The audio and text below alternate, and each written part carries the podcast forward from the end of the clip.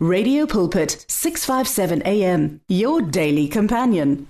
Kulohlelo lapho sithi khona mphatlalatsane ngilithathekele lithuba mlalele ekseni kungolosihlanu. Ngikubingelele egameni elihle igama lenkosi yethu Jesu Kristu waseNazareth siphindeke sibonga nakubahle enhlapho ukusiboleka ke leli thuba bahle uNkulunkulu akubusise. Mlaleli namhlanje ake sikhuthazane ngokwenza into enhle. Hayi into embi ngoba umuntu owenza into embi enze into embi kwabanye abantu naye akathanda ukuba leyo nto embi ayenzayo yenziwe kuyena.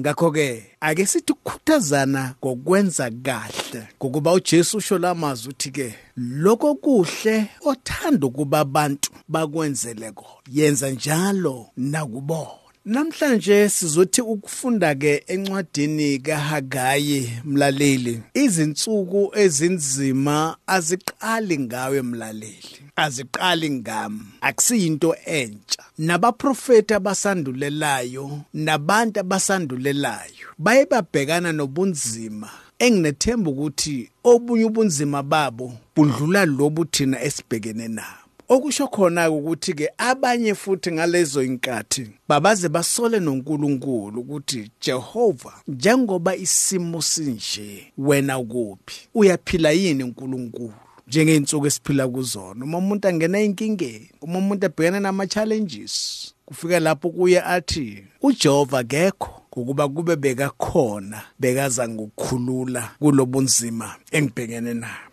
ake sizwe ke umprofeti kaNkuluNkulu uHagayi. Encwadini kaHagayi chapter 2 ke sithi uqala ke ukufunda kuverse 1 mlaleli. Sizokhumbula ke phela ukuthi ngaleza inkathi abantu babethunjwa izizwe zithunjwa zithunjela kwezinye izizwe. Kube khona ke abasalayo ingcosana esalayo la isala khona. And then ekuthunjweni kwabo kuba khona izinto ezilahlekayo kucithwa izindawo zokuhlala kudilizwa yonke into. Ngakho ke lapha abazosala bayosala esimeni esinjalo. Usuyabona ukuthi ke mlaleli ama challenges ababebhekene nawo andlula lawa thina esibukene nawo kulezi zinsuku. Kungaka umshumayela athi ke ayikho into entsha ngaphansi komthunzi welanga. Ake sifundeni ngenyanga yesikhombisa ngolwamashumi amabili nanye lwenyanga izwi likaJehova lafika ngesandla sikaHagayi umprofeti lathi ake ukhulume kuZerubabeli indodana kaSheyalithiyeli umbusi wakwaJuda nakuJoshua indodana kaJehoshathaki umpristi omkhulu nakuyo insali yabantu. Uthi kubani oseleyo phakathi kwenu owayibona lendlu ekukhazimuleni kwayo kokuqala niyayibona injani manje na?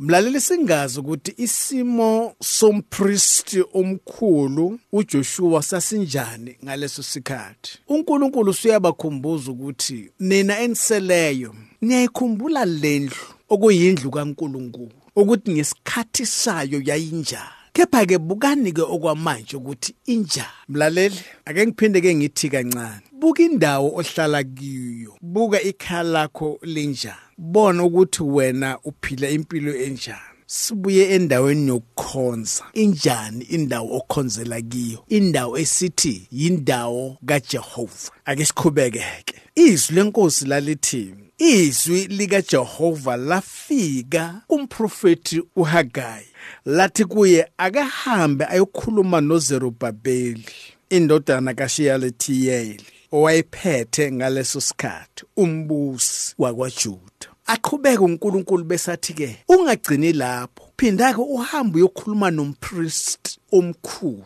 uJoshua nawa amazwi okumele uwasho kubona. Hayi kuphela kumpriest uphinde ukhulume futhi ke nayo insali laba baye basala mlaleli. Ukhuluma kuma group amathathu ukhuluma no noelentuza nombusi phinde ukhulume nompriest omkhulu uphinde ukhulume nensala nawo amazwi ngikuphathisa wona prophet Hagai ufike uthi kubo kubani oseleyo phakathi kwenu owayibona lendlu ekukhazimuleni kwayo kokuqala?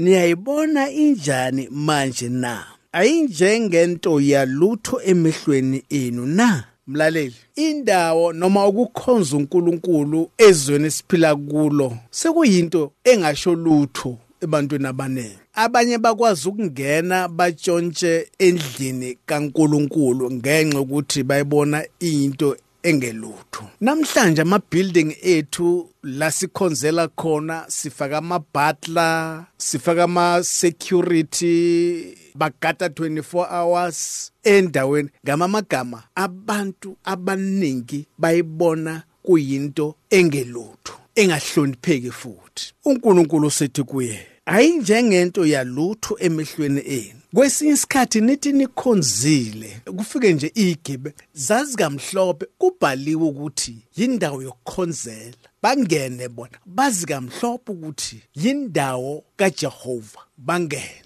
Lethani imali kuthathwe lemoto kudutshulwe futhi nabafundisi. uJehova usethi ke ayinjengento yalutho emehlweni enu na? Mlaleli ngiye ngithi otsotsi bakudala babengadlaleli esontweni. Amasonto ngalezo inkhathi amaye futhi wabo bengana even a fence wayengakantshelwa nokukanjelwa. Kodwa bungasoze uthole eh kugcekesiwe esontweni ikakhulukazi uma sekukhonzwa futhi. Bongeke uzwe ukuthi kukhona isigebengu esingenile esontweni sazobamba abantu inkunzi esontweni. Ngendlela inswela boya sezidelela ngakhona kule nsuku esiphila kuzona seziqhubha itwala ngewisa ziphula ziphule even neminyango le efakiwe amabhadla zifuna ukungena phakathi zithathe izinto zika Jehova ayinjengento yalutho emehlweni enu na? Kepha inani manje Zerubabel usho uJehova ube namandla Joshua ndodana kaJosataki mpriest omkhulu.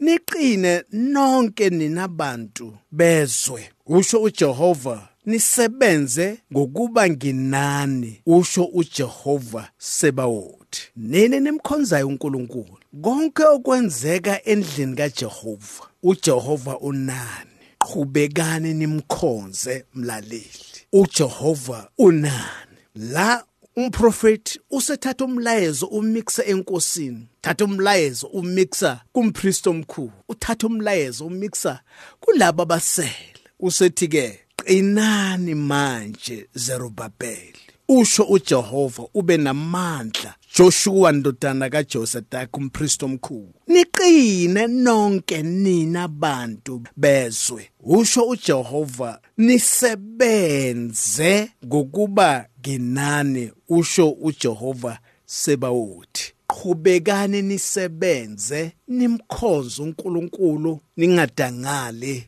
nanoma isimo sinje nanoma ubudlwengu udlwengu bunje nanoma icrime iart of control qhubekani nisebenze nimkhonze uJehova ngokuba uJehova unani. Ngenxa yesikhathi ake sithi kuma la okwanamuhla ngiyithatha intambo ngiyiphindisele kubahle.